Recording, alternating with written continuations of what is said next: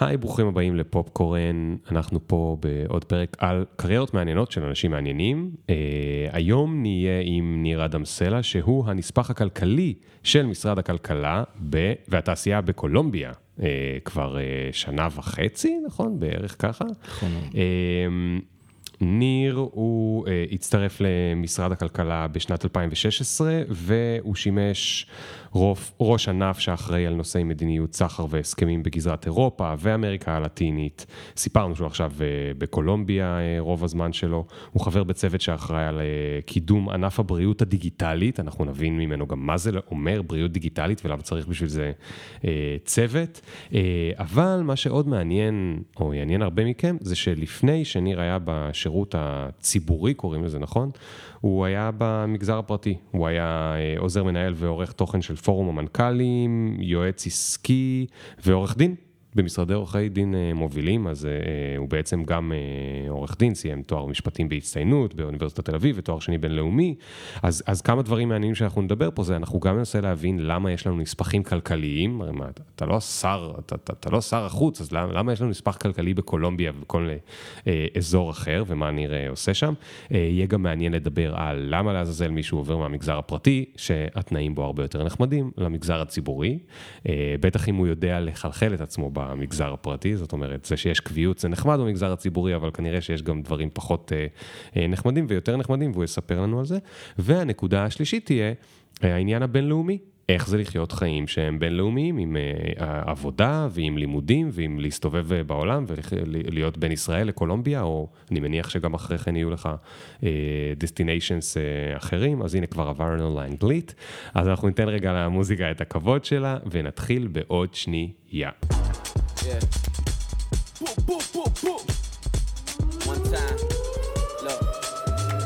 Ring the alarm. Hot ass nigga. Yeah. Big ass head so my dreams get bigger. Yeah. Make campaign strong so my flows get sicker. Yeah. Confidence bigger than a drunk ass nigga. Look, I'm a work great. לפני מספר חודשים התראיינתי לרדיו בקולומביה. זה היה במסגרת קידום של אירוע Energy Tech. הטכנולוגיה שמאחורי האנרגיה והקלינטק. אמ, אז התראיינתי לרדיו בשידור חי, אה, בתוכנית שמוקדשת לנושאי אה, חדשנות וטכנולוגיה. ואחד מהדברים שהמראיין שאל אותי, אה, איך ישראל עושה את הדברים אה, תמיד לפני כולם? אולי תיתן לנו דוגמה איך עשו את הדברים בישראל, איך אתם מובילים בתחום של שימור האנרגיה. אז אמרתי, אה, אחד מהדברים שאני זוכר, אפילו ממש מהילדות שלי, מאחר ומדובר בנושא לא מאוד חדש, הוא שעל כל בניין בישראל יש דודי שמש, ואנחנו מחממים את המים שלנו בשמש, באנרגיה סולארית למעשה כבר ממש מזמן. זמן, והקדמנו את העולם בדבר הזה, וקישרתי את זה לתערוכה, ו... ואז אמ, זה היה כזה צוות של אה, מומחי חדשנות, והייתה שם גם מומחית חדשנות. ואז היא אמרה, טוב, מתי באמת הייתה הילדות שלך? בן כמה אתה? וכל זה ככה בשידור חי, עד שהמראיין אמר, טוב, אה, אולי באמת אה, תשבו לכם מתישהו לקפה במקום יותר נחמד. היא התעניינה יותר מדי בעניינים הפרטיים. אמ, קצת, אה, קצת מביך, אבל, אבל חביב. תגיד, ניר, איך, איך להיות בקולומביה? מעניין, מעניין. כלומר, אני נמצא בקולומביה ואני נמצא גם בקולומביה בתקופה מיוחדת, תקופת הקורונה. כן. אז uh, קולומביה קודם כל היא מדינה מדהימה, מעניינת, uh, עם היסטוריה מרתקת, עם הווה מרתק. Uh, קולומביה זאת לא מדינה שהיא חדשה לי בהיכרות גם האישית וגם המקצועית. הייתי לפני שנים, אחרי צבא, בטיול בדרום אמריקה, ואחת המדינות שמאוד אהבתי לטייל בה אה, הייתה קולומביה. כן. אה, כך שאפשר להגיד שקצת התאהבתי בקולומביה כבר מזמן. אה, אחר כך המשכתי לעבוד על נושאי קולומביה גם במשרד, כלומר בתפקידי הקודם כצוער, וגם את התואר השני האחרון שלי בדיפלומטיה וביישוב סכסוכים עשיתי לא מעט על קולומביה, כלומר תמיד לקחתי hmm. את קולומביה בתור טסט קייס כזה. למה היא כל כך עניינה אותך? זאת פשוט מדינה שיש בה הכל. כלומר, אה, נגיד בהיבט של דיפלומטיה ויישוב סכסוכים, אז היה שם סכסוך, אה, סוג של מלחמת אזרחים מאוד מאוד אה, מיוחד, שאחד מהדברים המיוחדים לגביו זה שהוא נפטר. אתה כלומר, מדבר על המלחמה עם מאפיית הסמים? מאפיות הסמים? עם ארגון המורדים שקראו לו פארק. Mm. שהוא היה ארגון המורדים העיקרי ובשלב מסוים אפילו שלט ביותר ממחצית מהמדינה. הוא קשור גם לסמים, אבל זה ארגון גם אידיאולוגי ו... Mm. שהוא... הוא שלט בעצם בכל היערות האלה שאמרו תמיד שעדיף לטוס מעליהם מאשר לעבור דרכם כי אולי לא תצא בצד השני? הוא שלט בחלקים נרחבים במדינה, אפילו יותר מהיערות. אה, וזה סוג של היה מדינה בתוך מדינה, ואחד מהדברים המיוחדים אה, ש, שקרו בסכסוך הזה זה שהצליחו לסיים אותו. זה hmm. היה מאוד מאוד קשה ומורכב, אבל, אה, אבל קולומביה הצליחה בכל מיני דרכים מאוד יצירתיות לסיים את הסכסוך הזה, והסכמי השלום נחתמו ב-2016. וואו. ומאז הארגון הזה שולב במערכת הלגיטימית הפוליטית של המדינה. אה, ויש נגיד אקס גרילה, שהם נגיד יכולים להיות ראשי ערים או פוליטיקאים אה, בפוליטיקה הארצית, אה, וזה עובד. מטורף, אנשים שידוע שהם היו אחראים נגיד לפשעים כנראה נוראיים. ונתנו להם סוג של מחילה או משהו כזה, שיקום, לא יודע איך לקרוא לזה, כדי שהם יוכלו להשתלב. זה קצת יותר מורכב מזה, אנשים שממש ביצעו פשעים גם שילמו את המחיר בהיבט של כליאה, אבל, אבל זאת אומרת... המנהיגים הפוליטיים של התנועה הזאת השתלבו במערכת הפוליטית היותר רחבה של המדינה. Hmm. אמ, היה שם גם רכיב אידיאולוגי של אידיאולוגיה מרקסיסטית מאחורי, ה, אה, מאחורי הארגון הזה, ולמעשה אנשים שניהלו את הצד הפוליטי אז השתלבו בפוליטיקה של המדינה, hmm. אה, והם היום מהווים בעצם חלק מהמערכת הפוליטית הלגיטימית. כן. אה, אז זה באמת משהו מיוחד שקרה כמעט רק בקולומביה. אה, אז אה, זה ממש ריתק אותי, ואחרי זה ללכת, אחרי שצברתי את כל הידע הזה על, על המדינה הזאת ועל כל מה שקרה בה ב-400 אה, שנה האחרונות ואיך זה הוביל למה שעד עכשיו... קרה ואיך ההווה מתרגם לתוך הדבר הזה, אז זה ממש מרתק אה, לחוות את זה ולעשות אה, בעצם את, ה, את הסיוע לחברות הישראליות לעשיית עסקים, גם כשאני מגיע עם כל המטען הזה. אוקיי, okay, אז עכשיו קפצת למה לעזאזל, למה לעזאזל יש נספחות כלכלית בקולומביה, אז תסביר את זה רגע. כדאי, כדאי לתת אה, קונטקסט יותר רחב, אה, יש נספחויות כלכליות בבירות העסקים של העולם. יש היום 47, אה, אני חושב, נספחויות כלכליות בעולם. אמ, כאשר אה, המטרה של כל נספחות כלכלית היא לחבר בין החברות הישראליות שרוצות לעבוד אה, באותה, באותה מדינה, באותו שוק, mm-hmm. לבין החברות המקומיות, כלומר זה בעצם קידום הייצוא הישראלי, והמטרה השנייה של הנספחויות הכלכליות... רגע, תן לי לראות שהבנתי את הראשונה. אם לי יש, אה, אני מייצר פה, אני לא יודע מה, באתי להגיד קפה, שזה מצחיק, אבל לא קפה כנראה, אני מייצר זן חדש של עציץ, סתם, ראיתי עציץ פה, אין לי דוגמה יותר טובה, או זן חדש של כל חדשנות, אפילו בחקלאות, זן חדש של אה, אה, רפתות, אוקיי? יש לי חדשנות ברפתות, ואני רוצה עכשיו לשווק את זה בקולומביה, או בכלל בלטין אמריקה, אז אתה יכול לעזור לי, כי אתה שם מה? כן, זה, זה בדיוק הרעיון. כלומר, כל חברה ישראלית באשר היא, והדוגמאות שנתת הן דווקא טובות, יש חברה ישראלית מצוינת שלמשל אה, עוסקת בשתילים לאבוקדו. אה? אה צדקתי, איזה כיף. זה, למשל, אוקיי, הרגשתי כלומר, ממש גרוע בדוגמה. דווקא הדוגמה שלך הייתה מאוד רלוונטית אפילו לקולומביה, שהיא מעצמת אבוקדו, כן. אבל אנחנו גם מעצמת אבוקדו, ואנחנו עושים את הדברים יותר טוב, יותר יעיל. אה, אז למה האבוקדו כל כך יקר? אז... אה, היצע וביקוש, אבל אנחנו יותר בצד של, ה, של היצוא הישראלי, כלומר okay. אוקיי. נגיד יש חברה ישראלית שעושה, מייצרת uh, זן מיוחד של אבוקדו שהוא מצוין uh, ומניב יותר ויכול להבטיח רווחים יותר גבוהים לחברות uh, במדינות היעד, אז קולומביה היא מדינה רלוונטית uh, כי היא שחקנית עולמית חשובה בתחום האבוקדו, mm-hmm. אז uh, בעצם החברה הישראלית תפנה אלינו, הפנייה לנספחות הכלכלית היא משהו לחלוטין דמוקרטי, הוא אפילו חינמי. יש אה, טופס אונליין, אה, כל חברה ישראלית אה, יכולה אפילו בגוגל כן. לרשום... זאת לא צריך קשרים בממשלה בשביל לא זה. צריך, זה, זה, זאת גישה ישירה לנספחות הכלכלית במדינה שהחברה הישראלית בוחרת. כלומר, למשל, חברה ישראלית שרוצה לייצא את שתילי האבוקדו שלה, המצוינים, אז היא רושמת בגוגל ERM משרד הכלכלה.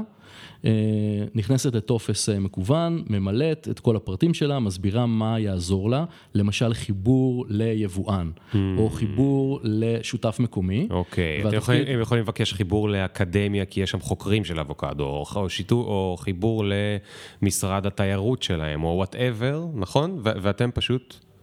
אנחנו מתמקדים ביצירת חיבורים עסקיים אה, למטרות הרווח של החברות הישראליות. אוקיי. Okay. כלומר, בעצם זה, הרעיון הוא לקדם את הייצוא של החברה הישראלית. החברה הישראלית בהרבה מקרים היא חברה אה, שלאו דווקא מתמחה בשוק שלנו, ואין לה נגיד משרד שלה מקומיים, אנשים מקומיים כן. במדינה. כן. כלומר, יש קומץ של חברות ישראליות שיש להם אה, משרדים מקומיים, אולי... בהרבה מדינות, אה, יש אה, איזשהו מספר של חברות ישראליות אה, שיש להן נגיד סניפים מקומיים בקולומביה, אבל לרוב החברות הישראליות אין, אבל כן. הן עדיין רוצות למכור בשוק היעד. כן. ובעצם משתמשות בנו בתור הרגליים על הקרקע. אנחנו בעזרת הצוות, זה, אני לא עובד לבד, לכל נספח כלכלי יש צוות של עובדים מקומיים, כלומר בקולומביה הם קולומביאנים, בברזיל הם ברזילאים, בסין הם סינים, בארצות הברית הם אמריקאים. ובפורטוגל הם? אין נספחות בפורטוגל. אה, חבל. חשבתי שאולי תפתור לי את זה אם אומרים פורטוגלים או פורטוגזים. אוקיי, סליחה. אה, אז בכל מקום כזה הם מקומיים. כן. הם אה, מקומיים, והם מכירים את השוק כמובן טוב מאוד, אנחנו מכשירים אותם על מנת שיכירו גם את החברות הישראליות ואת mm. מה ישראל יודעת להציע. אה, הם ממש מתמחים בסקטורים, כלומר יש נגיד, אה, אה, אצלי יש בנספחות, יש קצין סחר שמתמחה בנושאי החקלאות. Mm. אוקיי, כלומר הוא מכיר מזה שנים את כל כן. החברות הגדולות הרלוונטיות, אז אותה חברה שיוצרת קשר, אנחנו משתמשים בקשרים הכבר קיימים שלנו, על מנת להכניס את המוצר שלהם נגיד לשוק. זה מדהים שאנשים לא מכירים את זה, כאילו אתם מספקים, קודם כל זה שירות של מדינת ישראל, אז זה בחינם. לא רק בחינם, אתם שמחים לעשות את זה, לא רק שאתם שמחים, אם, לא, אם אנחנו לא נפנה אליכם אז אתה תהיה משועמם, ניר, ואתה אומר, אנחנו הולכים לעשות לכם networking ו business development, פיתוח עסקי, על חשבוננו, כי לנו יש אינטרס שישראל תצליח בחו"ל, וזהו, וזה כל מה שאתם צריכים כדי שנעזור לכם. נכון מאוד. כלומר, החברות הישראליות, אה, יש אני רק מוודא, כי לא צריך לשלם לכם, אני לא, לא צריך להיות בגיל 42 אה, בדיוק, ואני לא צריך להיות אה, עם שיער אדום.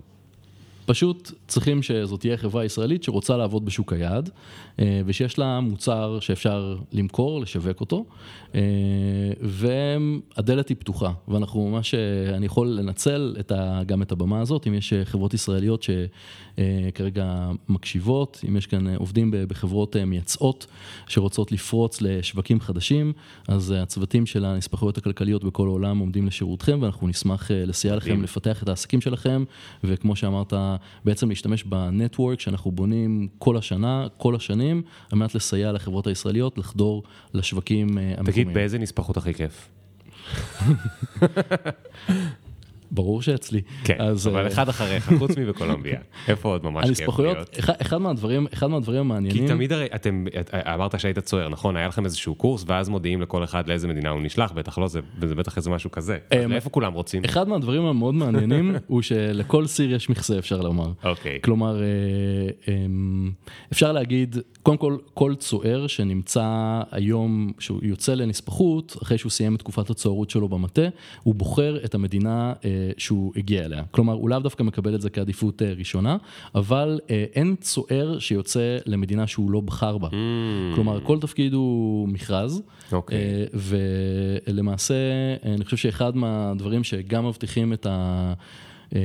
את ההצלחה, אפילו אפשר להגיד, של, של כל נספח, זה שכל נספח רצה מאוד לצאת למדינה שבה הוא משרת. מעניין. אז זה לא שכולם רוצים את לונדון או משהו. לא, זה לא, ממש לא, לא עובד ככה. אה, יש, אה, יש נספחויות אה, שיש להן אתגרים שונים, יש נספחויות, התחלנו לדבר על מה נספחות כלכלית עושה, אז קידום ייצוא זה זרוע אחת, okay. אוקיי. ויש גם זרוע שנייה של משיכת השקעות זרות לישראל. אז, אה, גם נשמע טוב. אז זה נגיד יותר רלוונטי בשווקים מפותחים. כלומר, בשווקים מתפתחים, אולי... תסביר הנושא... רגע למי שלא מכיר את ההבדל. שווקים מפותחים, מדינות מפותחות הן מדינות כמו ישראל, או מדינות אירופה, צפון אמריקה, יש גם במקומות אחרים, אבל מדינות ש... רוב ה-OECD זה נכון? בדיוק. כלומר, ה-OECD זה ארגון לשיתוף פעולה כלכלי בין המדינות המפותחות. כן, שהם כבר, נקרא לזה, אנחנו קוראים לזה ב, כמו העולם המערבי, יש בהם כבר קפיטליזם הרבה שנים, יש uh, כלכלה יציבה, uh, הם, הם צריכות עזרה, אבל הם הבינו how it's figured. לעומת נכון המדינות מאוד. המתפתחות, שמה קורה שם? במדינות המתפתחות הם, הן עדיין בדרך, כלומר, אה, יש, אה, יש גם מדינות אה, שהן underdeveloped, שהן נמצאות אה, ממש אה, בשלבים אה, ראשונים של פיתוח. המדינות המתפתחות נמצאות אי שם בספקטרום, ו, אה, והמדינות המפותחות הן מדינות שהשלימו את התהליכים שלהם על אז מנת... איזה אה, מדינות הן למשל מתפתחות? מתפתחות מדינות, אה, רוב מדינות אפריקה, רוב מדינות אמריקה הלטינית, אה, חלק גדול ממדינות אסיה. כן. מי אגב אחראי לתת את, ה... את האישור שאתה כבר הפכת ממתפתח למפותח? זאת שאלה טובה. אה, השאלה לצורך מי? כלומר, אה, ל-OECD שהזכרת, יש, אה, יש את המדדים שלו. כלומר, אה, יש אה, אמות מידה שקובעות מבחינת הארגון איזה מדינות אה, עומדות כבר ברף של מדינות מפותחות ואיזה לא. עבור אה, ארגון הסחר העולמי, אה, מדובר בעצם בהצהרה עצמית של המדינה. כלומר, יש מדינות שאף אחד לא חושב שהן מתפתחות, וגם הן לא חושבות שהן מתפתחות, כי הן מפותחות, אה, ואז הן אה, אף פעם לא הצהירו על עצמן שהן מדינות אה, מתפתחות. ישראל למשל הייתה פעם מדינה מתפתחת, ואנחנו... השתדרגנו למפותחת. כן. אז, למרות שעכשיו מצפים מאיתנו ליותר, נכון? הרי כל הכתבות על איך אנחנו למטה ב-OECD זה כי בגלל שאנחנו מדינה שטוענת שהיא כבר מפותחת, אז מצפים מאיתנו להיות אה, ילדים גדולים.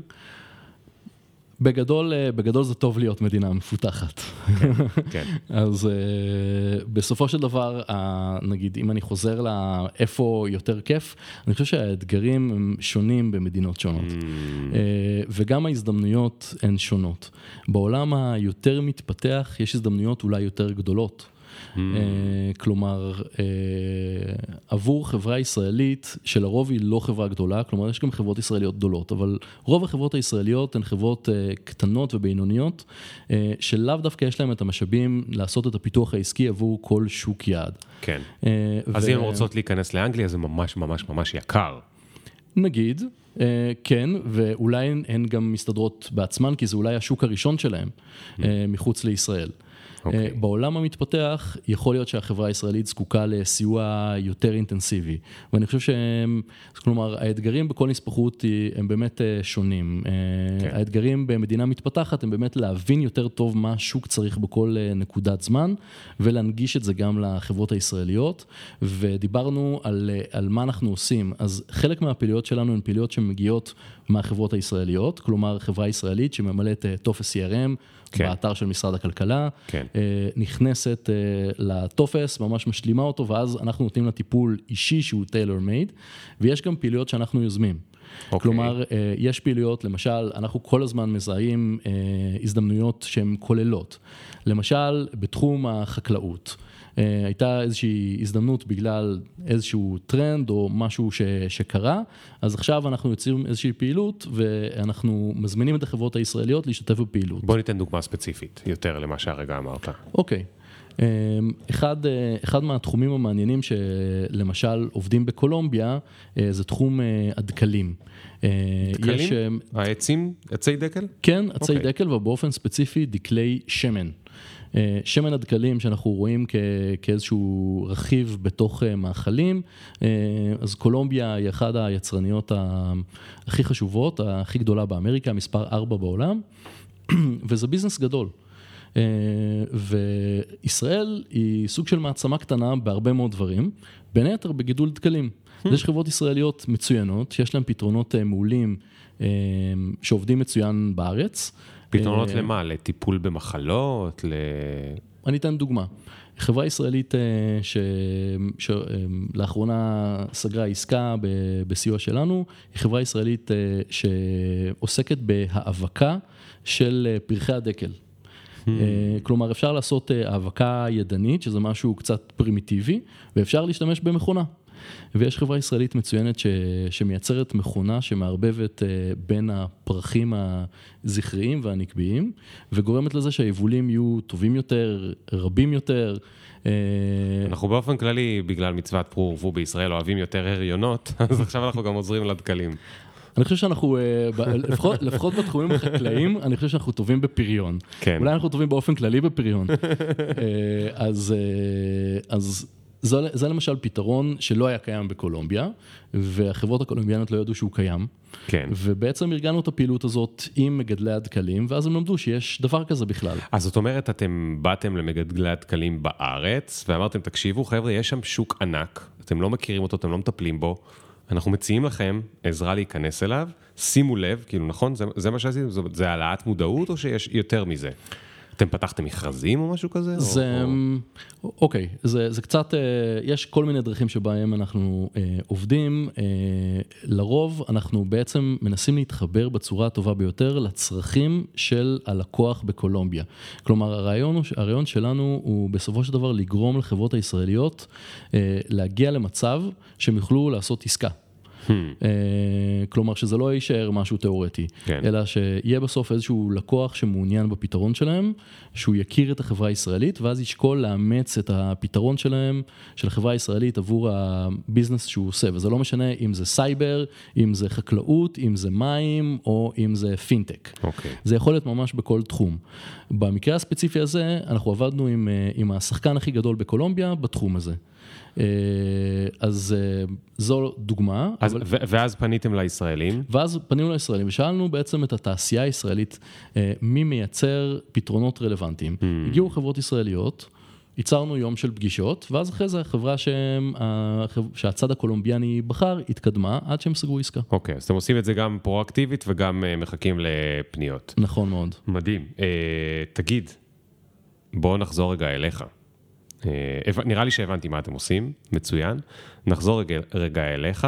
אתה היית עורך דין אה, במשרדים גדולים? משרדים גדולים. אה, למי שמכיר, הרבה מאיתנו מכירים, בגלל שעריכת דין זה מקצוע מאוד פופולרי בישראל, אז כולם או בעצמם, או חברים של, או אחים של, או בנים של, או אה, דודים של, או אחיינים של. אה, וכולם יודעים שזה מאוד מאוד מאוד מאוד קשה. אה, ל- לסיים לימודי עריכת דין, לעשות מבחני אה, אה, לשכה, לעבור אותם, להתקבל להתמחות, סליחה, זה היה לפני מבחני לשכה, להתקבל להתמחות, להצליח בה, לעשות מבחני לשכה, לעבור אותם, ולהתקבל למשרד גדול ושווה, ואתה עשית את כל זה.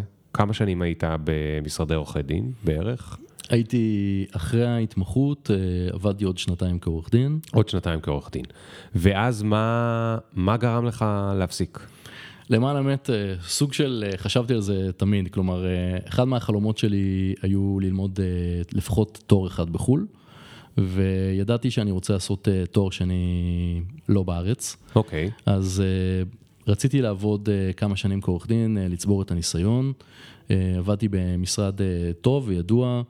אה, עשיתי שם את ההתמחות, אחר כך המשכתי להיות אה, עורך דין במשרד, ולמען האמת, אהבתי מאוד את, ה, את העבודה, הייתה מעניינת, אבל זה לא היה בדיוק מה שאני רוצה לעשות אה, בחיים שלי, אה, ומראש ידעתי שאני רוצה לעשות תואר שני בחו"ל, ואני חושב שזו גם הייתה הזדמנות טובה לבחון את הדברים מחוץ לאזור הנוחות, אה, ו... למה אגב ידעת שרצית, כאילו למה רצית לעשות תואר שני בחו"ל? מה... איכשהו בחיים שלי תמיד יש את העניין הבינלאומי. הייתי שליח של הצופים בתור uh, תיכוניסט, uh, הייתי שליח... שזה אה, בטח ארצות הברית. שזה ארצות הברית וקנדה, uh, הייתי שליח של הסוכנות היהודית uh, במשלחת של הצבא, של צה"ל, גם לצפון אמריקה, הייתי בקנדה רוב הזמן. Uh, אז uh, זה ככה משהו שמלווה אותי, uh, איכשהו יצא לי גם ב- בתואר הראשון, עשיתי איזשהו פרק בינלאומי. מה, חילופי סטודנטים? אה, לא חילופי סטודנטים, עשיתי אה, Advanced Studies במכוני מקס פלנק בגרמניה. אה, איכשהו זה תמיד אה, מגיע אליי. אה, אז- אבל זה כאילו תמיד אתה מדבר על זה כ... כקפיצות ולא כלרדת מהארץ? זאת אומרת, תמיד ברור לך שאתה תקפוץ ואתה תחזור? מרכז חיי זה ישראל. אה, ו... כלומר, אפילו ממש, אה, זאת אומרת, הקריירה שאני עושה עכשיו, זה אפילו השיא של זה, כי אני ממש אה, עובד ב- בלקדם את ישראל, וכשליח, אה, וגם הקפיצות המשמעותיות שלי בעבר היו כשליח. אז כן. זה תמיד עם, ה, עם הקשר הזה, עם הרצון להביא את ישראל לעולם, לחבר בין ישראל לבין, לבין העולם. כן. אז זאת אומרת, זה, זה ההקשר מבחינתי. אוקיי, ו... ואז עשית את התואר השני, ו... ולא חשבת שתחזור להיות עורך דין? אני חושב שאחד מהיתרונות אה, בלצאת מאזור הנוחות זה שמתי שאתה חוזר חזרה לאיזשהו אזור נוחות אז אתה חוזר אה, שונה. Hmm, פתאום זה נראה מוזר קצת. ואולי לא מתאים כל כך. כן. כלומר, אחד מהדברים ש... שגרמו לי ככה... רגע, רגע, שכחתי לשאול אותך, איפה עשית את התואר? מה, ספר על זה קצת. את התואר השני הקודם שלי, עשיתי uh, בתוכנית האירופית למשפט וכלכלה, European Masters in Law and Economics. אה, זה היה, הסמסטר הראשון היה בהמבורג, השני בבולוניה והשלישי באקסן פרובנס. וואי, איזה כיף. אה, כן. אכלת מלא אוכל טוב, אני מקנא. ללא ספק. אוקיי. אז אה, זו תוכנית, uh, תוכנית של קונסורציום של אוניברסיטאות, אה, שגם אוניברסיטת חיפה הייתה שותפה לו. פשוט הגשתי מועמדות, התקבלתי, קיבלתי מלגה שנקראת ארסמוס מונדוס, שבעצם מימנה את הלימודים שלי בתואר השני. אה, וזהו, ויצאתי לטייל וללמוד באירופה. לטייל וללמוד, אהבתי. אז, אה, אז זה היה משהו מאוד מאוד נחמד, וזה כן, זה גורם לך לחשוב ולהיות אה, במקום אחר, עם אווירה אחרת, ולהסתכל מבחוץ על החיים שלך. כן. והיה לך קשה לחזור, כאילו, לא קשה, אבל איך הרגשת כשחזרת לגבי להיות עורך דין? באיזה, או אני אשאל את זה אחרת, באיזה שלב הבנת שכנראה לא תחזור להיות עורך דין? עורך דין בסוף, אה, זאת אומרת, זה גם מקצוע מגוון. אה, יש בו סוגים שונים של, של עבודה. מבחינת ה, איך שאני ראיתי את זה, זה היה לא להיות עורך דין או לא להיות עורך דין, אלא בתקופה שעבדתי נגיד כעורך דין, אה, אז היו שני דברים שככה סימנו לי שאולי אני לא נמצא בדיוק במיקום הנכון שלי איפה שאני מרגיש חיבור אה, אישי. אחד זה, התנדבתי במסגרת אה, פרויקט אה, שיעור אחר, אני לא יודע אם אתה מכיר את הפרויקט הזה, זה פרויקט מקסים שבו מגיעים צעירים אקדמאים ומעבירים פעם בשבוע או יותר שיעור לילדים בבית ספר יסודי בדרך כלל, או בחטיבת mm. ביניים. אה, אני עשיתי את זה גם, אבל קראו לזה חמד, נדמה לי. אני לימדתי מדעים כל שבוע בכיתות ד', כשהייתי סטודנט. לא משנה, אוקיי, אז עוד פרויקט כזה. אז פרויקט, אה, פרויקט כזה שנקרא שיעור אחר, וממש אה, ממש אהבתי את זה. כלומר, הרגשתי את, ה, את הכיף בתרומה, את הכיף בהעצמה של אנשים, mm. את היכולת לתת מעצמך משהו שהוא לא רק אינטלקטואלי, אולי הוא קצת רגשי ואישי יותר, וראיתי בזה כיף גדול. אמ, ודבר נוסף, אה, בכל השנים אני גם אה, משרת במילואים, אני סגן אלוף במילואים, אה, וזה משהו שליווה אותי כמו קריירה שנייה, ממש מאז שהשתחררתי hmm. מקבע, ו, וזה גם תרומה ומקום מקום לתת ביטוי אישי שהוא לא כזה תועלתני, והרגשתי שאני יותר מתחבר במקומות האלה. כלומר שכיף לי יותר לשרת את הציבור. וכיף לי יותר uh, לתת מעצמי ברמה האישית מאשר לעשות משהו שהוא טיפה יותר uh, מצומצם. כן. אתה מספר גם שבעצם כבר מילדות התעסקת ב... נקרא לזה בעולם החברתי, נכון? או הציבורי. נכון. Uh, גם בצופים וגם בסוכנות היהודית. נכון. Uh, אגב, מאיפה, מאיפה המקור של כל זה? מהבית, מהסביבה? מה... כאילו ככה היו החבר'ה שלך או... אפשר להגיד, כלומר, אה, חלק גדול מהחבר'ה שלי עד היום הם אה, חברים מהצופים. אה, בהחלט תמיד היה שם את העניין של התרומה לציבור ותרומה לחברה, ושבסוף יהיה פה טוב יותר. כן. זה יכול להיות באמצעות חינוך לא פורמלי כמו בצופים, זה יכול להיות במסגרת עידוד הקשר עם התפוצות, זה יכול להיות בצבא, כל מיני מקומות שבהם יש מפגשים שהם מפגשים אישיים, לא כל כך תועלתנים, פחות מצומצמים, ואני חושב שזה דיבר אליי הרבה יותר מאשר uh, לעשות uh, את העבודה שעשיתי כעורך דין. כן. Um, אז החלטת שאתה ידעת מה אתה רוצה ספציפית, או אמרת אני רוצה משהו שייתן גם תועלת לחברה, עדיין כללי? כאילו, איך מצאת את דרכך ספציפית למה שאתה עושה היום? כי, אוקיי, היית בתואר השני, חזרת מהתואר השני, ומה עכשיו? אוקיי, אז, אה, אז זה משהו מאוד מאוד ספציפי. למען האמת, אה, אולי יש עכשיו אנשים אה, בבית שמקשיבים לפודקאסט ואומרים לעצמם, וואו, זה גם נשמע לנו מעניין, אז גם לי זה נשמע מעניין ממש ממש מזמן. אני חושב שהייתי בתואר ראשון באוניברסיטת תל אביב, ואז הלכתי למפגש עם נספחים כלכליים וצוערים. שמעתי את זה בפעם הראשונה, זה היה ממש לפני הרבה שנים, וזה תמיד נראה לי מרתק. באופן אישי, אה, אני חושב שמבחינתי זה מביא לידי ביטוי הרבה מאוד מהדברים שאספתי לאורך החיים מבחינת השכלה ומבחינת ניסיון, ובעצם מאפשר לי להקדיש לא איזשהו פן אה, מצומצם באישיות שלי, אלא ממש להקדיש כאילו את כל כולי עם כל מה שלמדתי ועם כל מה שעשיתי אה, לאיזשהו שירות משמעותי, mm. לאיזושהי תרומה שהיא משמעותית גם במובן המקצועי. כלומר זה בעצם שילוב של הכל, זה גם הצד הכלכלי, זה גם הצד המשפטי, זה גם, זה גם הרצון הכללי. כללי לתרומה לחברה, ואני חושב שכל הדברים האלה באים לידי ביטוי ביחד בתפקיד הזה. ובדרך כלל נספחים כלכליים, מה הרקע שלהם, הרקע השכלה או, או, או רקע של ניסיון? הרקע הוא מגוון. כלומר, יש אה, לא מעט אנשים שמגיעים אה, מעולמות הכלכלה, ניהול, אבל יש גם אנשים שמגיעים מעולמות אה, אחרים, כמו משפטים, כמו מדעי המדינה, יחסים בינלאומיים, דברים אחרים. Okay. אוקיי. בסופו של דבר, כן מדובר באנשים שיש להם איזושהי אוריינטציה שקשורה לנושא, לפעמים מדובר באנשים שלמדו לימודי סין או לימודי אפריקה, או כל מיני, יש להם איזשהו, אולי איזשהו עניין גיאוגרפי או mm. תרבותי מסוים, אה, אבל הפרופילים הם מאוד מגוונים. כלומר, אה, זה לאו דווקא, לפעמים שואלים אותי, טוב, אז אני חייב להיות אה, כלכלן? לא. לא חייבים להיות כלכלנים. כן. כן, אבל צריכים אוריינטציה וגם לצלוח את, ה, את הדרך ואת כל המבחנים שיש בדרך, אבל uh, um, הרקע הוא יכול להיות מגוון. אוקיי, okay. אז אתה ידעת שיש את התוכנית, כבר הכרת אותה עוד מהתואר הראשון, ומה, החלטת, אני הולך על זה? אז תמיד היה לי ככה, הייתה לי את המחשבה הזאת uh, ככה ברקע, שיום אחד אני רוצה לעשות את זה, וסוג של uh, הגיע הרגע הנכון. Uh, ידעתי שאני רוצה ללמוד את התואר השני בחו"ל.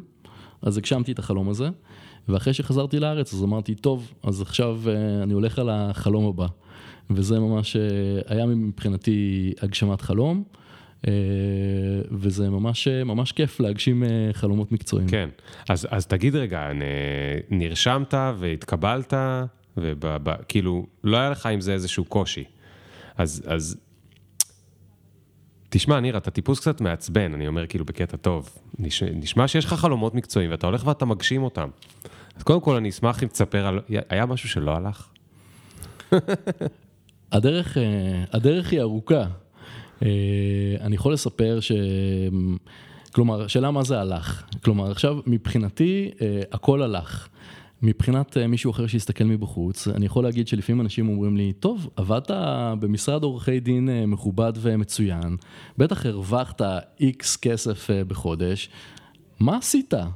אוקיי? או עבדת בפורום המנכ"לים, כבר יש לך את כל הקשרים, אתה מכיר, אה, זה, מה היה חסר לך? כן. אוקיי, כלומר, אה, מבחינתי, זאת אומרת, כל החתיכות בפאזל אה, מתחברות, אבל אם מסתכלים מבחוץ, אז יכול להיראות אחרת. כלומר, בסופו של דבר אני חושב שזה המסר, המסר שלי, שזה לא משנה אם לאנשים אחרים מתחברות החתיכות כן. בפאזל או לא, כן. מבחינתי הן מתחברות. האם זה היה בהכרח קל? כלומר, זה בסופו של דבר... אה, ללכת, אה, ללכת הצידה, אה, לחפש את הדרך לאו דווקא במקומות המוכרים, לצאת שוב ושוב מאזור הנוחות, לצאת מקריירה אולי מובטחת, כן. שפחות מתאימה לקריירה חדשה, שאולי כן תתאים או לא תתאים. ותגיד, באופן אישי, מה זה אומר לצאת מאזור הנוחות? זה אומר שאתה... שאתה מפחד, שאתה לא ישנת בלילה, זאת אומרת, איך, איך, זה, היה, איך, זה, איך זה התפרש אצלך ב, ב, בהתנהלות ביומיום? אני יכול לספר שאחרי שהתקדמתי, אחרי שהתקבלתי למשרד והתחלתי את העבודה שלי, אז התחלתי את העבודה בתור... למשרד עורכי דין. אה, לא, במשרד הכלכלה. משרד הכלכלה, כן. אחרי שהתחלתי את העבודה בקריירה החדשה במשרד הכלכלה והתעשייה, אה, אז בעצם אה, התחלתי את העבודה כצוער. כאשר... צוער זה כמו מתמחה או כאילו ג'וניור? זה ג'וניור, okay. אוקיי? כלומר זה, זה בעצם ה-entry level לתוך הקריירה. הזאת של נספחים כלכליים, כלומר זה, זאת אומרת, זה מגיע מיד אחרי שעושים קורס נספחים כלכליים, כלומר מי שמתחיל את הקריירה הזאת ועובר את, את, כל, ה, את, את כל המיונים, מתקבל, אז הדבר הראשון שעושים זה עושים אה, קורס נספחים כלכליים, ומיד אחרי הקורס משובצים אה, למטה מנהל סחר חוץ כצוערים. אז שובצתי כצוער, ולמעשה עשיתי כבר הרבה דברים בחיים שלי לפני זה, אה, אבל זה, זה סוג של קצת להתחיל מחדש. Hmm, אתה כאילו שוב מתמחה במשרד עורכי דין שמסדר ניירות ו... אז זהו, אז זה בדיוק מה שרציתי להגיד, שזה המון המון שאלה של אה, איך אתה לוקח את זה. כן. כלומר, אני לא, לא ראיתי את עצמי כמישהו שעושה רק אה, עבודות אדמיניסטרטיביות, אה, וזה גם ממש לא העניין, זה, זה בעצם, זה איזשהו מרחב שבו אפשר לעשות הרבה מאוד דברים, וזה מאוד מאוד תלוי בך. כן. אז אני באתי בגישה שבעיקר באתי ללמוד, ללמוד עולם חדש. שעוד לא הכרתי אותו. כן. אה, זה כן היה חזרה אחורה מבחינת הבכירות, לא ניהלתי אף אחד, אה, זה כן entry level, כן. אבל זה entry level שאחרי כמה שנים אה, כן. בעצם יוצאים להיות נספחים ומנהלים צוות, מנהלים משלחת כלכלית של ישראל באיזשהו מקום בעולם. תשמע, זה, זה, זה דבר מאוד מאוד חשוב רגע להתעכב עליו, כי אתה מתאר את זה וזה כמעט, אתה, אתה כל כך נוח לך בתוך ה... אתה, אני לא יודע איך לתאר את זה, כי אני יושב מולך, אתה או מונחה שליחות, או זה, או שאתה פשוט לוקח את החיים בצורה חיובית, כיף לך. אבל אני חייב רגע לתאר איך זה... הרבה פעמים אנשים רוצים לעשות שינוי קריירה, אוקיי? אני רגע מפשט את זה. הם רוצים לעבור, למשל, לסוג של תעשייה אחרת, ממשהו להייטק, מהייטק להוראה, מהוראה לזה, או היה, הייתה פה רופאה שהפכה להיות מעצבת פנים, כל מיני אה, דברים כאלה. והרבה פעמים כדי לעשות את הדבר הזה, אתה צריך לשלם איזשהו מחיר. והרבה פעמים המחיר הזה נראה שבעצם אפילו שהתקדמת עד עכשיו כל הזמן כזה למעלה בסולם או באלכסונים, נכון? אלכסון למעלה, למעלה, למעלה, כל פעם אלכסון ימינה, שמאלה, ימינה, שמאלה, ימינה, שמאלה, למעלה, למעלה.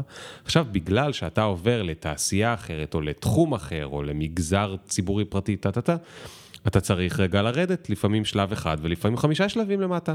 יכול להיות שאתה מרוויח הרבה פחות ממה שכבר הרווחת, יכול להיות שאתה כבר לא מנהל, אלא מנהלים אותך, יכול להיות שאתה עושה משימות שכבר שכחת.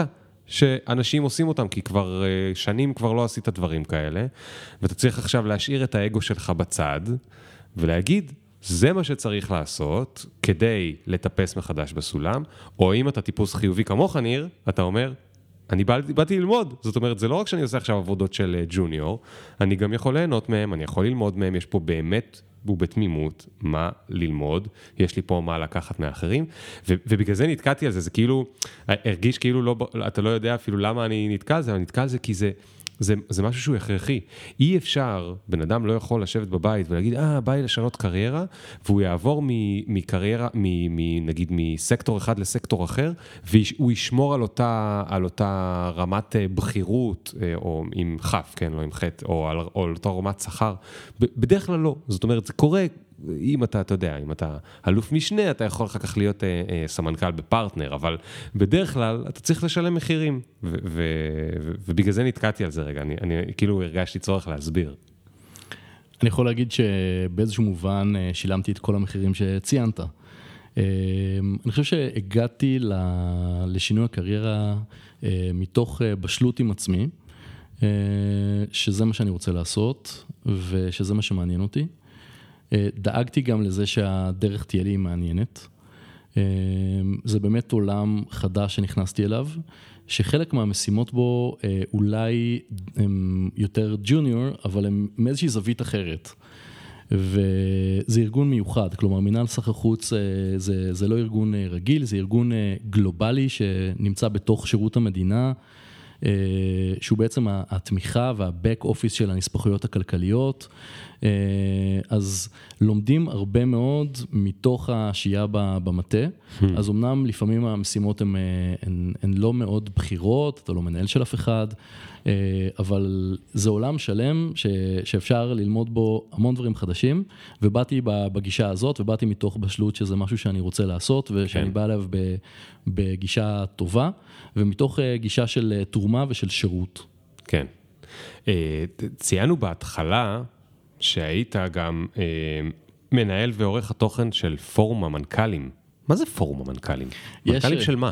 יש אה, פורום במגזר הפרטי, שנקרא פורום המנכ"לים, המועדון האסטרטגי. זה אה, כאילו מין אה, פורום סודי של, ש- או לא סודי, אבל של לא אה, סודי. מנכ"לים בכירים של איזה חברות למשל? מכל הסקטורים. מכל הסקטורים. תנובה? כאלה? הם, דיסקונט? יש גם אסור להגיד? אה, גם של, גם של חברות אה, מה, מהסקטורים שציינת, אה, זה לרוב מנכ"לים, בחלק מהחברות זה יכול להיות גם סמנכ"ל פיתוח עסקי, וזה איזשהו פורום שמתכנס פעם בשבועיים שלושה, לפני הקורונה לפחות. כמה ו- חברים יש בו? עשרות. Hmm. עשרות זה רבות. פורום קטן. זה פורום די קטן של מנהלים בכירים שנפגשים ועושים לעצמם כמו MBA on the go. כל פעם מתארחים בחברה אחרת, עושים איזשהו case study של המקום, של החברה שמארחת. מדהים. אה, עושים את זה ביחד, אה, וממש מדברים על ביזנס של לפחות חברה אחת, ובנוסף יש גם איזשהו תוכן נוסף שמדי פעם אה, מגיע. כלומר, מומחה לשיווק דיגיטלי, כן. או כן. דוקטורנט לניהול שמציג משהו חדש. אז אתה היית עוזר המנהל של הפורום.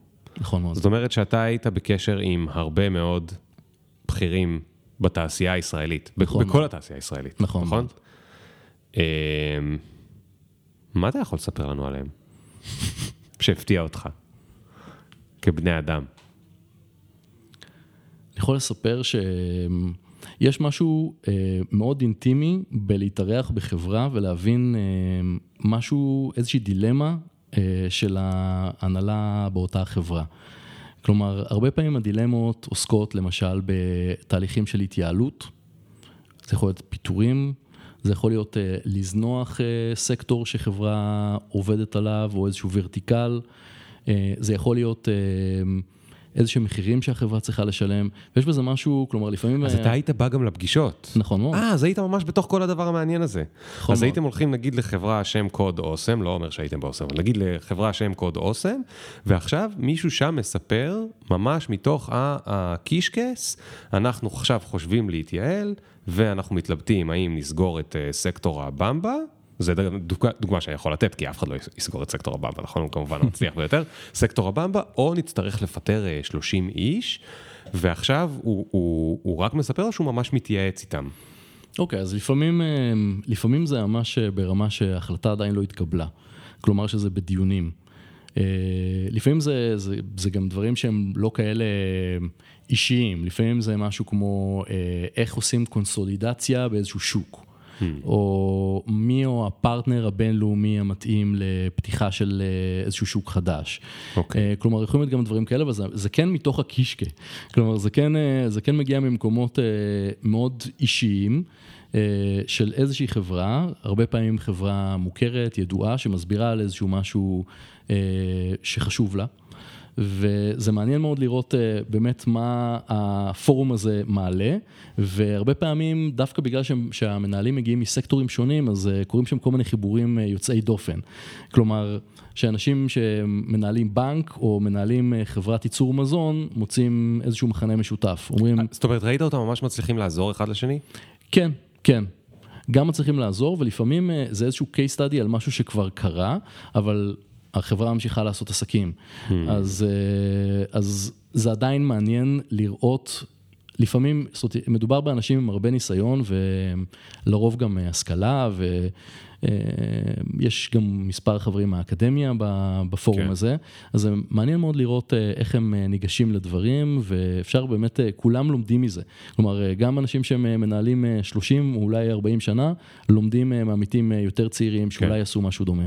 אז עכשיו יש לי. שתי שאלות. אחת, אתה היית שם עוזר מנהל. זאת אומרת, כנראה היית יותר צעיר מרוב האנשים שם, נכון? בטח מהגיל הממוצע, אבל... הייתי הצעיר ביותר בחדר, הצעיר ביותר. תמיד. אוקיי.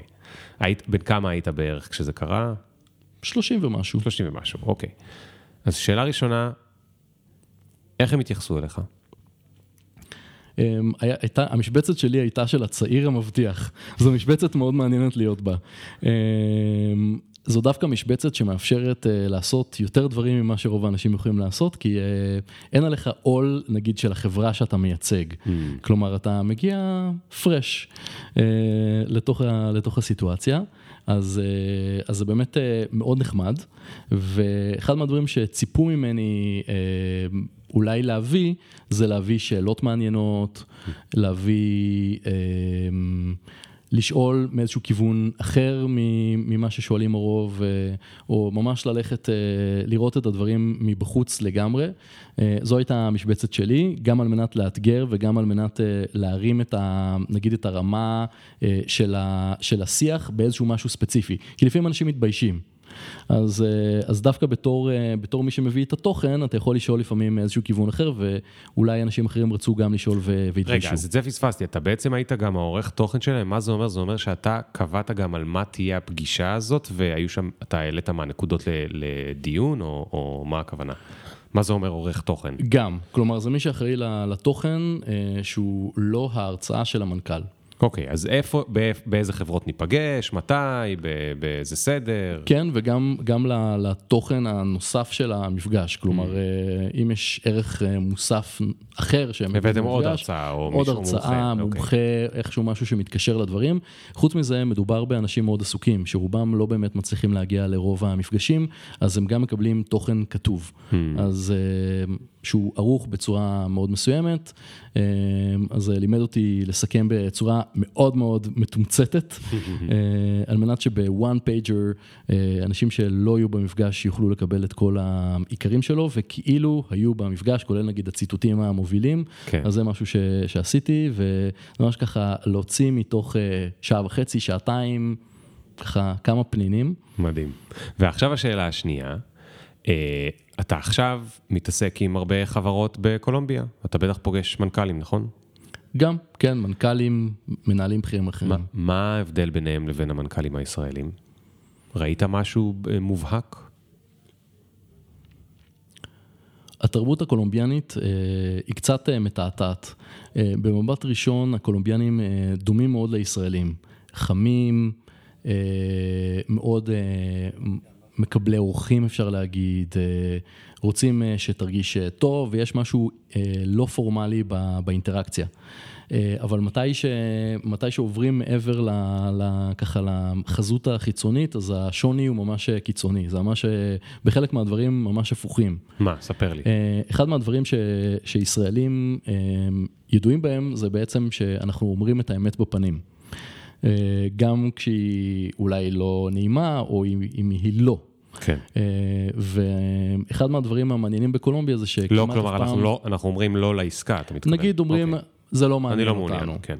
או זה כרגע לא מה שאנחנו מחפשים. כן. אז אה, נגיד אה, מנהלים, כולל מנהלים בכירים קולומביאנים, כמעט אף פעם לא, לא אומרים את זה. ואחד מהדברים שנגיד אני עושה בתפקיד שלי כרגע זה לתווך את קולומביה עבור החברות הישראליות. Mm. כלומר שהן מגיעות לפגישה, לא משנה אם היא וירטואלית או פיזית, אה, ויכול להיות שהחברה הישראלית יוצאת בתחושה שעוד שנייה סוגרים עסקה, אבל זה ממש לא הסאבטקסט. אה, ויש כאן איזשהו אלמנט של, של תיווך בין תרבותי שהוא מתמיד, כן. אה, או מה כן אפשר לעשות בשביל לקדם. אמ, אני חושב ש, שישראלים הם קצת פחות סקפטיים. כלומר, אם נגיד מגיעה חברה, חברה ישראלית שיש לה טכנולוגיה טובה והיא מדברת הרבה על הטכנולוגיה שלה, אז נגיד אם היא מוכרת בישראל, אז אני חושב שיש אה, הרבה פעמים שיח שהוא על הטכנולוגיה. בקולומביה השיח מתחיל מעל הטכנולוגיה, אבל אחרי זה הוא מתקדם לשיח אישי. ויש עניין של בניית אמון. Hmm. יש למשל, אז תשלחו לנו משהו, ורוצים לראות שבאמת שולחים את זה. כלומר, ולפעמים חברות ישראליות לא חושבות שזה חשוב. אה, אז יש כאן איזשהו אלמנט של אה, שוני. שבתפקיד שלי, חלק מה שאני צריך לעשות זה כל הזמן לתווך את התרבות השנייה. אוקיי, okay, כלומר, מה באמת הם רוצים? מה באמת הם מתכוונים? או מה יכול בכל זאת לקדם. ולפעמים יוצאים בתחושה טובה, אבל בעצם הסאבטקסט אומר, אנחנו לא באמת יכולים להתקדם איתכם בגלל X, Y ו-Z. אז זה נאמר בפגישה, אבל זה לא נאמר כך. מה, ויוצא לך לצאת מפגישה כזאת ולהגיד לחבר'ה הישראלים, אה, חבר'ה, זה לא ילך? נכון מאוד. Hmm, זה בטח מרגיש רע. זה לא נעים. לפעמים, אה, לפעמים זה, זה כן נלהב, שאחרי זה מוביל למשא ומתן ולבניית האמון. הנדרש, ובסוף נסגרת עסקה וזה כיף גדול. או לפעמים זה מתקדם, וגם אם לא נסגרת עסקה, אבל הייתה התאמה וחברות רצו להתקדם, לפעמים יש גם עניינים של תמחור או דברים אחרים שהם כן. יכולים לא להתאים, אבל, אבל כן, כלומר, לפעמים קורה שחברה ישראלית נפגשת עם חברה קולומביאנית, חושבת שהפגישה הייתה מצוינת ובמעשה הפגישה לא תתקדם, וזה ברור לי ולצוות. איך זה ברור לך? מאיפה אתה כבר הספקת להיות כל כך בקיא בתרבות הקולומביאנית? זה פשוט חוזר על עצמו.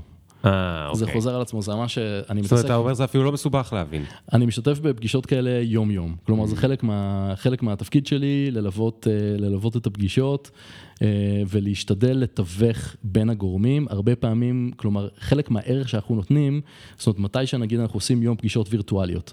אז נגיד החברה הקולומביאנית, אחרי שאמרו לנו מה הצרכים שלהם ובנינו איתם אמון, בנינו נגיד איזשהו scouting, רשימה של עשר חברות למשל ישראליות, עשרה פתרונות, מתוכם בחרו שישה. עכשיו, ביום הפגישות עולות החברות הישראליות אחת אחרי השנייה. כן. אז אני רואה את החברה הקולומביאנית בכל הסיטואציה. כלומר, יש לי תמונה מלאה של מה שקרה מהרגע שהם נכנסו לתוך הפגישה, אממ. ונגיד נתתי להם את הקונטקסט וטיפה small talk בינינו. אחרי זה את הפגישות, שבהן יש חברה ישראלית שעולה, יורדת, ואז החברה הבאה עולה ויורדת. ואתה כל הזמן עם אותה חברה קולומביאנית, אז אתה בדיוק. כבר לומד אותם. אז אני גם לומד אותם, וגם אני מבין מתי זה נימוסין, ומתי באמת הם מתלהבים, או רוצים להמשיך, או מבקשים uh, לקבל מידע נוסף, כן. או מבקשים לפעמים מיד שכבר נקבע להם את הפגישה השנייה. ולפעמים גם לא. ולפעמים גם בתור ישראלי, אה, יש לי את ההזדמנות להיות אה, קצת חוצפן, ולהגיד בסוף, אה, טוב, אז אני אשמח לדעת מה אתם חושבים על כל חברה. אוקיי? כאשר אני, אין לי שום אינטרס, אני עובד כן, מדינה, כן. הכל בסדר. כן. אז לפעמים, בזכות התיווך הזה, הם מוכנים לחלוק. אומרים, טוב, אז החברה הראשונה היא החברה שהכי עניינה אותנו. כלומר, במילים אחרות, שאר החברות לא. כן, כן, וואו. איזה תכונה קשה לך איתה? אצל הקולומביאנים? אני חושב שחוסר הישירות, או זה, זה נימוס.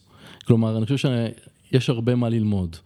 כלומר, הסביבה העסקית היא מנומסת. Hmm. ואני חושב שהיא הרבה חושבת על הרגשות של הצד השני. אה, אני חושב שאנחנו כישראלים יותר מעדיפים לקבל פשוט את התשובה בפנים. אם זה לא, כן. זה גם בסדר. כן. אוקיי, כשלא, עדיף שלא לא, נבזבז זמן. לא, אולי זה לא בסדר, אבל עדיף שלא נבזבז זמן. בדיוק. כן. והגישה הקולומביאנית היא לרוב לא כך. כלומר, אה, לעשות את זה יותר בנחמדות, אולי לא להגיד בכלל את הלא לאף אחד, אלא פשוט לא לקדם את זה. כן. כן. אה, אז אני חושב, לי זה קשה, אבל, אבל אני לומד את זה, ו, ועם הזמן זה נהיה לי יותר טבעי. כן. טוב, ת, ת, תשמע, סיפרת כבר על כמה חלומות מקצועיים ועל איך... אה, אה, הצלחת בהם, וכל הכבוד. יש לך חלום מקצועי הבא? החלום המקצועי אה, שלי כרגע הוא אה, שהנספחות הכלכלית בקולומביה תשגשג ותפרח. כלומר, אחד מהדברים ש... שאמרתי לעצמי לפני כמה שנים זה שאני רוצה להיות במקום בקריירה שלי שבו אני נמצא בה עכשיו. ונמצא ממש חי את ההווה שלי mm. ועף עליו. אה, ונהנה מכל רגע, אז, אה, אז אני לא יכול להגיד, אה, בשום עבודה לא נהנה מכל רגע, כן. אבל אני יכול להגיד שכן, אני בגדול מאוד מאוד נהנה ממה שאני עושה, והחלום המקצועי שלי, נכון לעכשיו, הגדול ביותר, זה לקדם את הייצוא הישראלי לקולומביה ולקדם את, את ההשקעות מקולומביה לישראל. כן. אני יכול להגיד שיש... זאת אומרת, זה ממש, אה, זה כר פורה שיש בו המון מה לעשות, ואני נמצא בתפקיד שהוא אה, בקדנציה של ארבע שנים, כאשר יש מאחוריי רק שנה וחצי. אה, כך ש... אז מה, אתה יודע מה, הנה יש לנו הזדמנות. בוא, יש לנו עוד כמה דקות. תן כמה נושאים. שעכשיו אם אנשים, כי אנשים מקשיבים לפופקורן מכל התעשיות וכל הסוגים, ושכירים ויזמים ועצמאים, ובאמת יש פה אנשים מכל המינים וכל הגוונים וכל הסוגים וכל הגילאים. תן לנו כמה דברים טובים, שמנים כאלה עכשיו מקולומביה, שאפשר שאם ישראלי אה, אה, ימצא איך אה, אה, למצוא שם, אז יש להם שוק שרק מחכה לנו. אוקיי, okay, אז קודם כל, בגדול, שווקי אמריקה הלטינית הם כמעט כולם כאלה. כלומר, שווקים עם אה, אינסוף אה, הזדמנויות. אני גם אתן תשובה, אני לא אתחמק. אין בעיה, לא, אני לא אתן לך להתחמק, אל תדאג. אבל אה, שווקי אמריקה הלטינית ובכלל שווקים לא קונבנציונליים, שווקים לא השווקים המסורתיים של החברות הישראליות, יש בהן אין ספור הזדמנויות, ומה שצריך לעשות זה הרבה פעמים רק להתמקד, לשים את הזרקור על השווקים האלה, לפעמים אפילו למנות מישהו שינהל אותם. יש בישראל דוברי כל השפות ויוצאי כל המדינות, וזה יתרון גדול מאוד לייצוא הישראלי, ולפעמים בעזרת ה... איש המכירות או איש השיווק היחיד במטה בישראל, אה, אפשר לעשות אה, פלאים בשווקי אמריקה הלטינית למשל. כן. אז, אה, אז יש הרבה מאוד הזדמנויות, זה הרבה עניין של פוקוס, איפה החברה הישראלית רואה את השווקים שלה. זה קצת גדול להגיד איפה יש הזדמנויות. לא, אבל משהו פעמים... שסתם אתה לאחרונה, בשבועות האחרונים נתקלת בו ואתה נדלקת עליו. אנחנו כל הזמן יוצרים הזדמנויות לפי מה שקורה בשוק היעד. אמ, אני יכול לתת, אה, לתת כמה דוגמאות. אמ, אחד מהסקטורים שלא נפגע כמעט בכלל בקורונה זה סקטור החקלאות והמזון. אה, והתעשיות אה, שעוסקות בזה, שזה גם חקלאות, אבל גם אה, התעשיות של המזון המעובד, או של ה post-harvest, מה שנקרא, כלומר של איך שהתוצרת החקלאית מגיעה בסופו של דבר לסופרמרקטים ולצרכן הסופי, אז אלה עולמות שהם מאוד מאוד מעניינים. קולומביה היא מעצמה חקלאית בעלייה, אז כל התחומים של האגרוטק למשל, הם, הם מאוד מאוד מעניינים בשוק הקולומביאני. אה, אבל אנחנו כל הזמן אה, מייצרים הזדמנויות שהרבה פעמים הן יותר ספציפיות. כלומר, הן לא הזדמנות נגיד בסקטור שלהם, זה כמו נגיד מגדלי הדקלים, או מגדלי הפרחים, כן. או מגדלי הקפה, כן. או אה, חברות פיננסיות שמחפשות X, ואנחנו ממש אה, עושים את ה scouting באופן, באופן מיוחד, ואני יכול כן לתת טיפ לחברות הישראליות. אחד, זה להסתכל על השווקים אה, מעבר לאירופה המערבית אה, וצפון אמריקה. אה, יש אה, שווקים מצוינים, גדולים, אה, עם הרבה מאוד הזדמנויות. לפעמים השווקים הטובים ביותר שלכם נמצאים במקומות שלא חשבתם עליהם, אז כדאי, כדאי להפנות את המבט ולראות שווקים נוספים. הדבר השני זה באמת לתת את הפוקוס הנכון מתוך החברה, באמת שיהיו את האנשים הנכונים שיטפלו במדינות האלה, אם זה מדינות מתפתחות בכלל, או אם זה מדינות באמריקה הלטינית, או אם זה מדינות באפריקה, או... וזה רק עניין של פוקוס? זאת אומרת, זה יכול לעבוד גם עם מישהו שהוא לא יודע ספרדית והוא לא מבין בשווקים? ברור שעדיף שיותר שכן, אבל אם הוא לא, אז זה גם? החברות, החברות הישראליות ש, שמצליחות הכי יפה אה, בשווקים, הן כן החברות שדאגו לקחת, אה, נגיד עבור שווקי אמריקה הלטינית. דובר ספרדית או אוקיי, פורטוגזית, okay, אוקיי. okay. או גם וגם. אה, או בשווקים אחרים עם הדגשים התרבותיים האחרים. הרבה כן. פעמים זה עושה את ההבדל. זה תלוי גם במשאבים של החברה הישראלית, כמה היא גדולה, אה, האם היא יכולה לעשות את זה. כן. יש, יש חברות ישראליות שנגיד הן קטנות מדי והן אה, אפילו סטארט-אפים, אבל אה, יש להם איזשהו מנהל פיתוח עסקי שהוא טוב מאוד, והוא...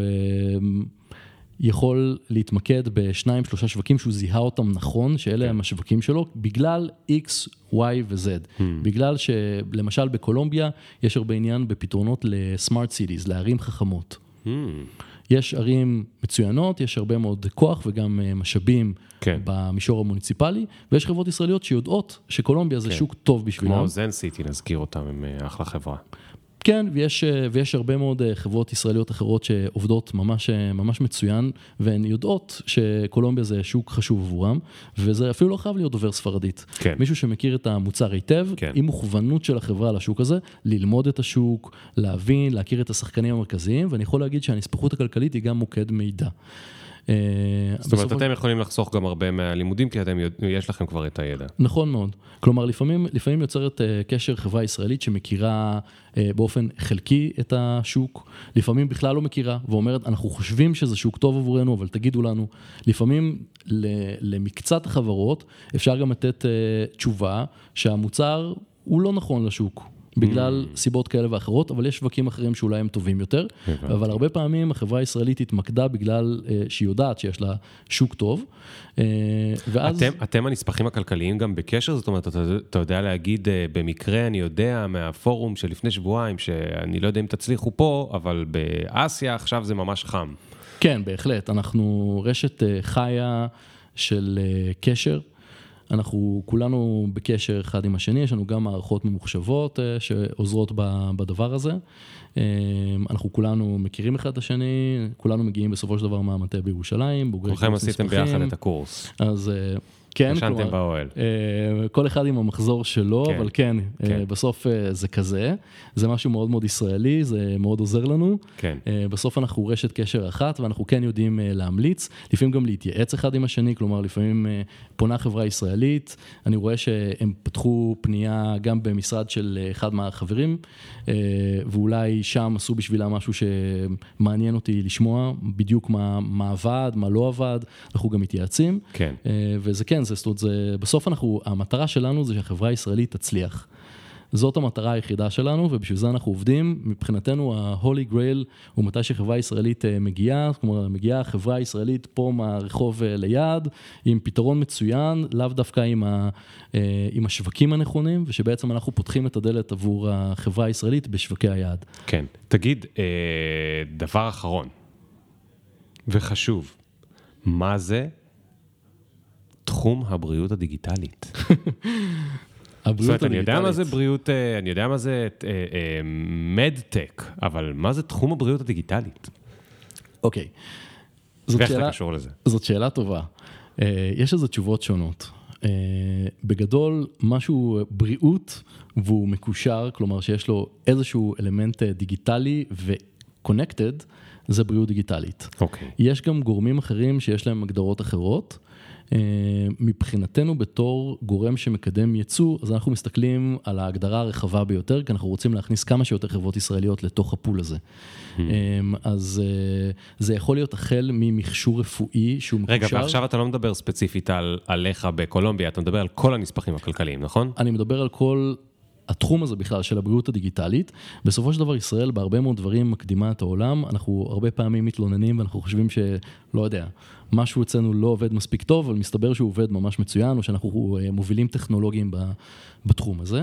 כן. אז נגיד, אחד מהדברים שאנחנו לוקחים אה, אולי כמובן מאליו, זה שאנחנו נכנסים לתוך מערכת בריאות ציבורית, שבה כל המידע הוא דיגיטלי אה, והוא paperless. כן. אה, ושהרקורד הרפואי שלנו הולך איתנו לכל מקום שאנחנו נמצאים בו, גם במצבי חירום וגם במצבי שגרה, אה, ושיש אה, כל מיני גאדג'טים שאנחנו יכולים לחבר, ושיש לנו אה, כל מיני אופציות אה, להתייעץ מרחוק, כן. אה, כל מיני כן, פיצ'רים. נכון, בשנים האחרונות אה, ישראל עשתה, כאילו, בקופות חולים, בבתי חולים, יש באמת אה, התקדמות מאוד מאוד יפה. אנחנו מובילים עולמים בתחום הזה, ואת מה שפיתחו בישראל, ואולי את ה... כאילו את ישראל כמדינת פיילוט, אנחנו מוכרים בכל העולם. Hmm. בסופו של דבר הפתרונות הישראלים שהם, שגם הם התשתית של הבריאות הדיגיטלית, נגיד המידע הרפואי, אה, המוגן, המקושר, אה, וגם כל הדברים שמתממשקים איתו, וזה עולם מאוד מאוד רחב. כן. אה, אז בסוף אה, זה איזשהו מודל שעובדות בו הרבה מאוד חברות ישראליות, מאות חברות ישראליות עובדות בתחום הזה, ומציעות אה, שירותים שהם בביקוש בכל העולם. כן. ודווקא בתקופה של, של ה-COVID, של, של הקורונה, אה, יש אה, אפילו ביקוש מוגבר בעולם, כי בעולם מבינים שזה, כן. לשם הולכים. כן, ואגב, זו דוגמה לדעתי, לא שאני יודע, אבל אני משער שזו דוגמה מצוינת למתי כדאי להשתמש בנגיד נספחות כלכלית. למה? כי זה לא, אתה יודע, אני בסטארט-אפ, בכל מיני סוגים של סטארט-אפ וזה, זה מאוד קל לקשר מנכ"ל של אוסם עם מנכ"ל אוסם הסינית, או עם מנכ"ל אוסם הצרפתית.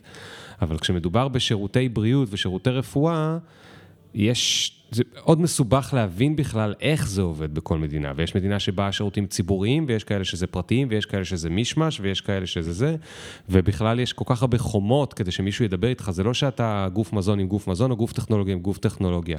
אתה בעצם צריך לדבר עם הרשויות איפשהו, לא משנה אם זה העיריות או הממשלה או הזה, ולכן אה, אה, מקום של גורם ממשלתי כמוכם, אה, יכול, בוודאי יכול לעזור לי יותר להיכנס לשם. בהחלט. זה נכון מאוד, זה חלק גדול מהעבודה שלנו, זה אפשר להגיד אפילו הלחם והחמאה של העבודה שלנו, אה, להבין מה קורה בשוק היעד שלנו, איך זה עובד, כי הרבה פעמים החברה הישראלית מגיעה עם מוצר או עם פתרון שהוא מצוין.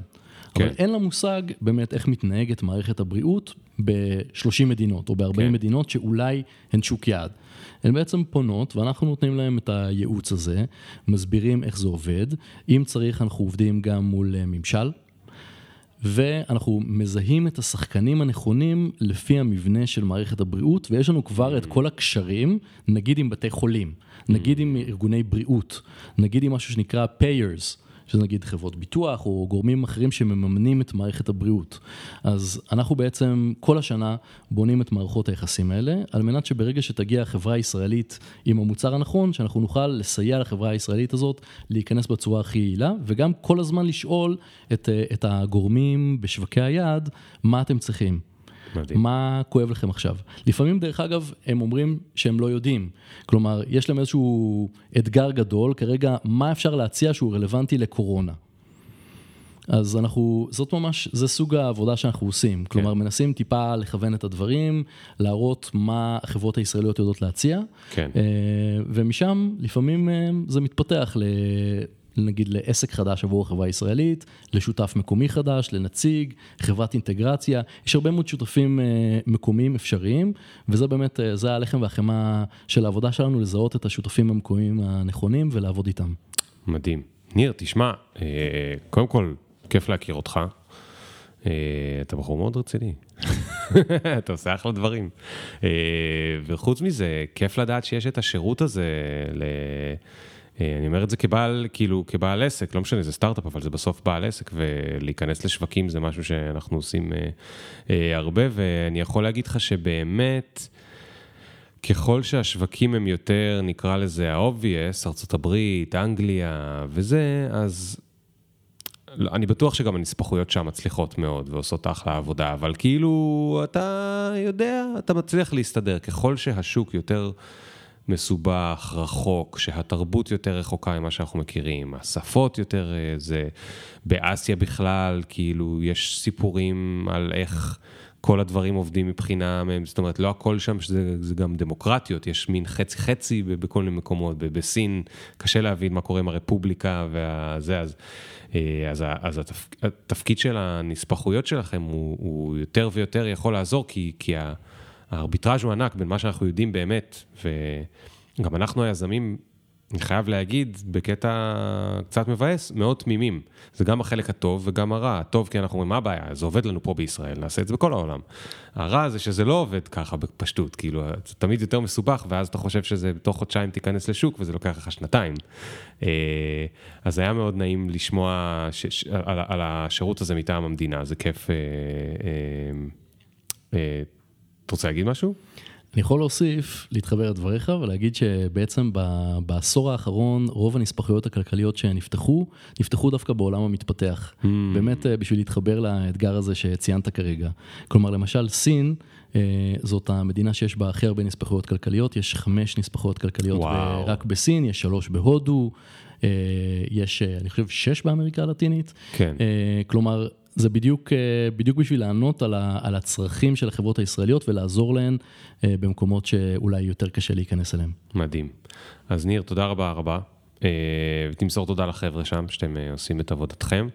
וזהו, אני מקווה שלכולכם גדל התיאבון להיכנס לשווקים חדשים, לנסוע לקולומביה, לדבר עם ניר באימייל, להעמיס לו את ה inbox קצת ברצונות להיכנס לאמריקה הלטינית. אה, וגם, אה, לא יודע, לי, לי נהיה יותר חשק לפתוח עסקים מהשיחה הזאת, כי אני רוצה לפתוח עסקים ולשווק אותם בשווקים חדשים, אני, אני פשוט קצת שוכח כמה זה קשה ומעייף. אה, תודה רבה, כרגיל, לכל מי שהקשיב, ואנחנו ניפגש בפרק הבא. ביי ניר, תודה. תודה רבה.